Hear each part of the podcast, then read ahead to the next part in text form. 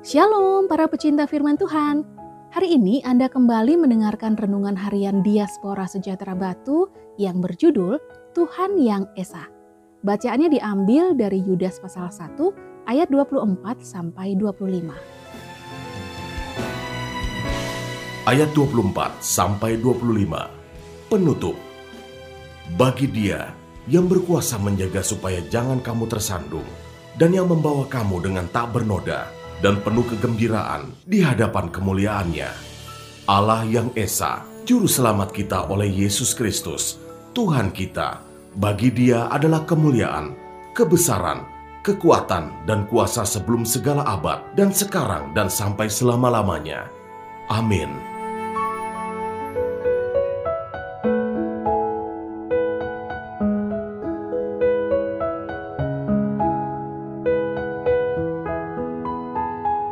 Allah yang Esa, Juru Selamat kita oleh Yesus Kristus, Tuhan kita, bagi dia adalah kemuliaan, kebesaran, kekuatan, dan kuasa sebelum segala abad dan sekarang dan sampai selama-lamanya. Amin. Yudas 1 ayat 25 Pendengar yang terkasih, kekristenan adalah agama tauhid yang sama dengan kepercayaan Yahudi atau agama Yahudi. Iman Kristen mengajarkan bahwa Allah hanya satu, tetapi memiliki tiga pribadi, yakni Allah Bapa, Allah Anak, dan Allah Roh Kudus. Masing-masing pribadi berbeda, tetapi tetap satu kesatuan di dalam eksistensi Allah. Allah dan firman-Nya bisa dibedakan. Allah dengan rohnya juga bisa dibedakan, tetapi tidak terpisahkan. Sama halnya manusia juga memiliki perkataan yang identik dengan pikiran. Dalam diri manusia juga memiliki roh yang memberi kehidupan. Antara perkataan, roh, dan tubuh manusia bisa dibedakan, tetapi mustahil perkataan dan tubuh bisa terpisah, dan mustahil juga bila roh terpisah dengan tubuh.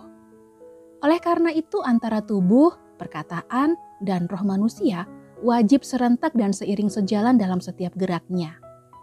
Firman Allah memiliki kesadaran, sebab Allah mencipta dengan firman-Nya. Oleh karena itu, firman Allah disebut pribadi. Demikian juga dengan roh Allah yang memiliki kesadaran, juga disebut pribadi.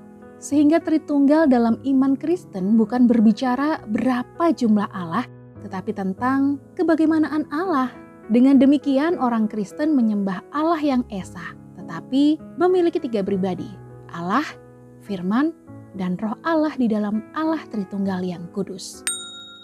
Sebab di mana dua atau tiga orang berkumpul dalam namaku, di situ aku ada di tengah-tengah mereka. Matius 18 ayat 20. Tuhan Yesus memberkati.